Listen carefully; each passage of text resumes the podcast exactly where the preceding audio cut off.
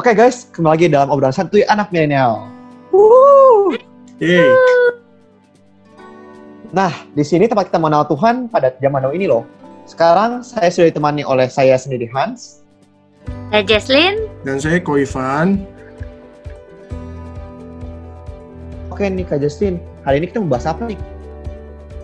Hari ini kita mau ngebahas tentang apa ya? Eh, tema kita hari ini sih Why we feel lonely. Berarti kita Hmm. secara nggak langsung kita bakal bahas tentang loneliness. Kenapa kita merasa sepi kesendirian kayak gitulah kurang lebih. Oke Ci. Ci, pernah ngerasa sendiri gak sih Ci? Diri ya. Ya pernah lah ya, semua orang pernah ngerasa sendirian lah ya. Itu kayaknya sifat dasar manusia deh, merasa sendirian. Iya, ya. Makanya cari temen ya. Enggak, temen ada maksudnya kayak pasti setiap manusia ada pengen ngerasa sendiri, kadang pengen pengennya tuh sendirian aja, Hmm. ngerasa me time, me time. Hmm. Atau enggak kadang kita di tempat yang ramai kadang kita ngerasa kenapa kita sendirian padahal kita ada teman. Ada kekosongan dalam hati, ya kayak gitulah. Nah, kok itu gimana cara kita mengatasinya kok kalau kita mengalami kosongan dalam hati kita itu? Iya, sebenarnya cara kita meng- mengatasi kekosongan dalam hati adalah dengan melihat bahwa yang dapat mengisi hati kita adalah Tuhan ya sebenarnya pada dasar itu. Jadi sebenarnya semua kekosongan dalam hidup kita bisa isi dengan barang apa pun, dengan benda apa pun, dengan situasi apa pun, dengan kegiatan apa pun di dunia, tapi itu tidak bernilai kekal. Satu hari nanti kamu akan tetap merasa kurang lagi. Ya the best way adalah bagaimana kamu mengisi kekosongan itu dengan pribadi yang kekal, pribadi yang tidak pernah meninggalkan kita, yaitu Tuhan. Cuman kan sekarang masalahnya di anak muda ya, lu disuruh ngisi hati lu sama Tuhan. Lu banyak alasannya kan, coba ngaku ya. Ini banyak inilah, Iya, iya. itulah. Eh, nantilah Tuhan nomor 2, nomor 3, nomor 4, nomor 5 gitu kan. Ya tetap aja kalau kayak gitu ya Yud akan terus puter puter-puter, puter-puter pada masalah loneliness gitu. Oke, kita udah buka polling di IG. Kita udah ketemu tiga so tiga pertanyaan yang bakal kita tanya ke Koifan. Hmm. Pertanyaannya itu dari yang isi polling. Jadi ini ada tiga pertanyaan. Kita langsung aja ke pertanyaan pertama. Pertanyaan pertama, kita ini rahasia ya, nggak kita nggak kasih tahu siapa yang nanya. Ini rahasia. Oke Ci. Rahasia Boleh. bertanya. Jadi nomor satu, pertanyaan pertama. Kenapa sih gue merasa pas pandemi tuh gue merasa sendiri, sepi aja. Hidup kayak sendiri. Ya itu, silakan Ko Ivan dijawab. Ya, sebenarnya kalau ada pertanyaan kayak gitu, nggak cuman si penanya aja yang merasa sendiri dan sepi ya. Kita juga, woi. Ya. Gue enggak sih. oh, gitu ya. Ya memang eh, kan nggak boleh ke mana-mana ya. Tapi satu hal ya, mungkin mungkin dia lupa dan dia memang tidak terlalu terikat dengan komunitas. Pada dasarnya, meskipun dalam kondisi pandemi seperti sekarang, Tuhan tuh sudah kasih ke kita, Tuhan sudah menyediakan pada kita eh, komunitas yang dapat menjadi tempat untuk kita bertumbuh, untuk menjadi tempat untuk kita bisa ngobrol. Meskipun nggak ketemu secara fisik, tapi secara virtual tuh kan kita bisa ketemu, bisa ketemu, bisa tetap ngobrol, bisa tetap nelpon. Memang itu tidak tidak seberapa mengobati ketimbang lu jalan bareng ke Empo. Ketimbang lu makan bareng di Mubarok misalnya kayak gitu kan ya. Tapi guys, dengan keterbatasan yang kita miliki itu adalah cara Tuhan untuk mengisi kekosongan kita sebenarnya di dalam komunitas. Karena kan firman Tuhan juga bilang kan bertolong-tolonganlah nanggung bebanmu. Jadi jangan ngerasa bahwa eh, lu merasa sendiri di tengah masa pandemi ini dan itu eh, lu sangat struggle dengan itu. Bagi Koko, struggle boleh, tapi eh, membuat kamu jadi merasa lonely salah ya. Justru kamu harus lebih mendekatkan diri pada komunitas-komunitas yang ada. Kalau kamu adalah komunitas youth GG kanan yang merasa lonely, ayo join di dalam di dalam Zoom Zoom meeting di dalam satu dua satu dulu ikutin bersama. Ada grup-grup KTB yang sedang dibuat eh, ayo lu aktif di dalamnya.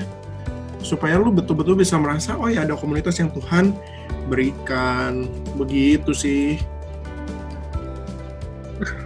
Kok aku mau nanya tambahan nih kok. hmm. Kalau misalnya berarti kalau dia ngomong dia nggak punya teman, menurut Koko itu dia berarti berbohong. Sebenarnya begini ya, bukannya dia bohong ya, mungkin ada sisi-sisi dalam perasaan yang yang ngomong gitu ya. Kamu pernah ngerasa gitu gak sih? Lu gila gue tuh gak punya teman banget, aduh hidup gue tuh menderita. Pernah ngerasa gitu gak sih? Ya itu manusiawi. Ya, ada masa-masa di mana manusia juga desperate, lelah dengan hidupnya, sehingga merasa dia berbeda. Tetapi bukan beda. Itu adalah fase-fase hidup uh, yang harus dilewati dengan baik. Bukannya jadi negativism terus ya, tapi ayo kita belajar berjuang. Justru karena lu nggak punya teman, lu harus berjuang buat lu cari teman, bener nggak? Kalau lu ngerasa lu nggak punya teman dan lu diam aja, apa bedanya dengan uh, vas bunga yang ada di rumah yang nggak ada teman vas bunga lainnya? Ya berjuang dong cari gitu ya. Lu bukan benda mati guys, bro sis, begitu kan ya? Berjuang tuh bergerak begitu. Nah, jadi itu bukan bohong tapi seharusnya jadi sebuah trigger untuk lu bisa uh, berteman, untuk lu bisa kenalan sama yang lain lebih banyak gitu. Oke. Kok ini kok ada pertanyaan kedua nih kok. Kok Hmm. ada nih orang dia tuh merasa lonely. Nah, Mm-mm. dia tuh bukan merasa lonely lebih tepatnya dia tuh merasa bebannya tuh dia berat sendiri kok dibandingin yang lain. Gimana tuh kok menurut kok? kok? Iya, ya. Eh, ini juga orang-orang tuh ya kalau ngadepin masalah ya, selalu aja ngerasa masalahnya tuh yang paling berat sendirian di dunia ini. Rasanya eh, masalah orang lain itu jauh lebih ringan. Pada dasarnya kalau ngomong-ngomong gini ya, Tuhan tidak pernah memberikan kepada kamu, kepada saya, kepada kita semua beban yang melebihi kekuatan kita. Jadi pada dasarnya ketika kamu ngerasa punya masalah yang gede, dan lu rasa masalah lu itu berat banget dan itu nggak bisa dipikul sama orang lain betul itu nggak bisa dipikul sama orang lain. Karena Tuhan ngasihnya buat lu. Tapi jangan jangan jangan kepedean. Jangan kepedean maksudnya gini. Beban gue lebih banyak dari beban dia. Beban gue lebih banyak daripada bebannya si Ono si Ono si Ono. Lu kayak ngerasa kuat aja lu gitu kan. Enggak ya dia punya bebannya sendiri dengan kekuatannya sendiri dia punya pergumulannya sendiri yang Tuhan kasih ke orang itu sendiri begitu.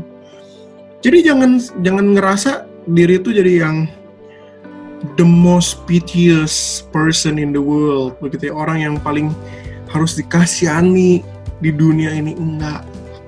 Justru ketika lu ngerasa beban lu berat, lu harus kasih itu ke Tuhan dan lu bilang ke Tuhan, Tuhan, beban gue ini berat ya. Tapi gue mau pikul sama-sama Tuhan. Bukankah Tuhan di dalam Matius berkata, pikulah kuk yang kusediakan bagimu sebab kuku ringan dan bebanku pun eh, enak begitu lebih kurang seperti itu. Ya, mari kita pikul itu sama Tuhan orang Tuhan sendiri yang ngomong sama kita kan. Ayo pikul Hans, ayo pikul Jaslyn. Terkadang kitanya aja yang suka sok-sokan. Tuhan, aku mau pikul sendiri, aku mau pikul sendiri. Tapi kalau kita udah pikul sendiri, aduh Tuhan, terlalu berat, aduh Tuhan ini terlalu berat bagiku. Nah, lu bayangin Tuhan bakal gimana, bakal pengen getok kan rasanya. nah, tapi Iya kok. Tuhan tetap berkata, ayo kita pikul barengan. Dan jangan ngerasa lu pikul ini sendiri. Begitu. Oke, kita lanjut ke pertanyaan terakhir. Hmm, oke. Ada yang nanya nih kok, Hmm, dia merasa tuh kayak hidup dia tuh sepi, kayak Tuhan tuh ngilang gitu dari kehidupan dia, kayak Tuhan tuh nggak ada pas dia butuh sesuatu tuh Tuhan tuh kayak ninggalin dia, kayak Tuhan dicari Tuhannya nggak ada kayak gitu. Itu gimana tuh kok? Iya ya, ini jadi bentuk loneliness yang paling besar sih sebenarnya ketika seorang merasa ditinggalkan sama Tuhan ya. Lalu kok kayak gitu gimana? Apa yang harus kita lakukan? Yang harus kita lakukan adalah kita melihat bahwa satu kenyataan Tuhan pada dasarnya tidak pernah meninggalkan kita. Tapi mungkin kita lah yang meninggalkan Tuhan. Sekali lagi kok ulang ya. Mungkin pada dasarnya bukan bukanlah Tuhan yang meninggalkan kita. Tapi Tuhan tap- tapi Tuhanlah yang ditinggalkan oleh kita mungkin kita merasa Tuhan meninggalkan kita, tapi kita meninggalkan Tuhan itu bentuknya gini. Ketika ada masalah, Tuhan undang kita untuk kita datang sama Tuhan. Tapi kita malah uring-uringan. Kita malah kayak langsung nggak mood, emosinya down, marah-marahan. Dan waktu lu berdoa, lu nggak bisa berdoa saking lu marah, saking lu kesel, saking lu sedih, saking lu galaunya. Nah teman-teman justru di dalam keadaan tersulit kita, kita harus makin betul-betul uh, bukannya memberi waktu, bukannya memberi kesempatan untuk emosi kita membara terus, enggak. Tetapi di tengah di tengah emosi yang membara itu kasih kesempatan untuk Tuhan datang, untuk Tuhan meredam emosi itu. Dan ketika emosi itu udah redam, kamu bisa sadar bahwa ada Tuhan, there is God. Ada Tuhan nggak pernah tinggalin kamu, ada Tuhan nggak pernah biarin kamu sendirian. Bukankah itu juga ini digambarkan di dalam Injil Matius kan? Di Injil Matius dikatakan Tuhan Yesus itu punya nama lain yaitu Immanuel ya, Allah beserta dengan kita. Bukannya Allah beserta dalam dalam keadaan baik saja dengan kita, bukan. Tapi Allah yang beserta dengan kita di dalam segala keadaan dan unik sekali di dalam Injil Matius ditutup dengan perintah pergilah jadikanlah semua bangsa muridku tapi juga ditutup dengan satu janji dan ketahuilah aku menyertai kamu senantiasa sampai akhir zaman. Ada kata senantiasa. Cuma terkadang kita mikirnya ah bukan senantiasa mungkin hanya setiap Senin setiap Selasa gitu ya.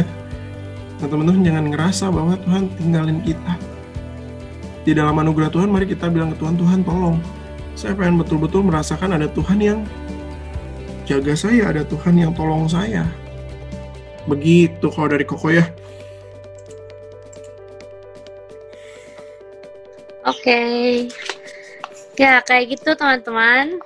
Kalau misalnya teman-teman ada merasa pergumulan yang belum terjawab, teman-teman bisa DM kita langsung di Instagram at Kanaan. Atau enggak, kalau misalnya tahu nomor telepon Koifan, bisa langsung tanya ke Koifan. Dia mungkin kalau misalnya dia sempat dia bisa jawab teman-teman lebih detail lagi. Kayak gitu. Ya Ivan ya? Bisa nggak siap siap siap. Oke. Kita sampai situ aja. Kita ada pengumuman. Jadi teman-teman mulai minggu ini sampai minggu setiap pokoknya setiap minggu kita mulai ada Spotify jam 4 jam 4 di Spotify kita bisa dengerin uh, ya tentang tentang apa kok Ivan di Spotify? Ya pokoknya tentang kehidupan anak-anak muda lah. Ya, setiap DM-DM-nya kalian kita bahas hmm. di sini. Oh, ya kurang lebih mirip kayak kayak gini tapi itu di Spotify. Sama kita juga ada Zoom Fellowship setiap hari Sabtu jam 7 di Zoom Fellowship. Kalau misalnya teman-teman mau, teman-teman bisa DM ke Instagram buat minta link. Atau enggak kalau misalnya udah masuk ke grupnya di line atau nggak WhatsApp bisa ada linknya. Teman-teman tinggal klik masuk ke Zoom fellowshipnya. Nanti ketemu kita kita ngobrol bareng-bareng tentang temanya pada minggu itu ya. Sama oh Zoom fellow sama ada kita setiap hari ada sate saat teduh bisa ada di Instagram atau nggak di YouTube Instagramnya masih sama di @yutkekanaan kalau di YouTube ada di YouTube-nya GKI Kanan. Teman-teman bisa buka terus nonton saat teduhnya dan ya siapa tahu teman-teman merasa oh saat teduh ini berguna gitu buat teman-teman pada saat hari itu misalnya teman-teman ada pergumulan. Teman-teman juga bisa bagiin saat teduhnya ke teman-teman yang lain supaya teman-teman kalian bisa dapat berkat juga seperti kalian. Oke? Okay? Udah? Ada yang mau tambah? Semangat ya guys. Hans? Udah itu aja. Udah.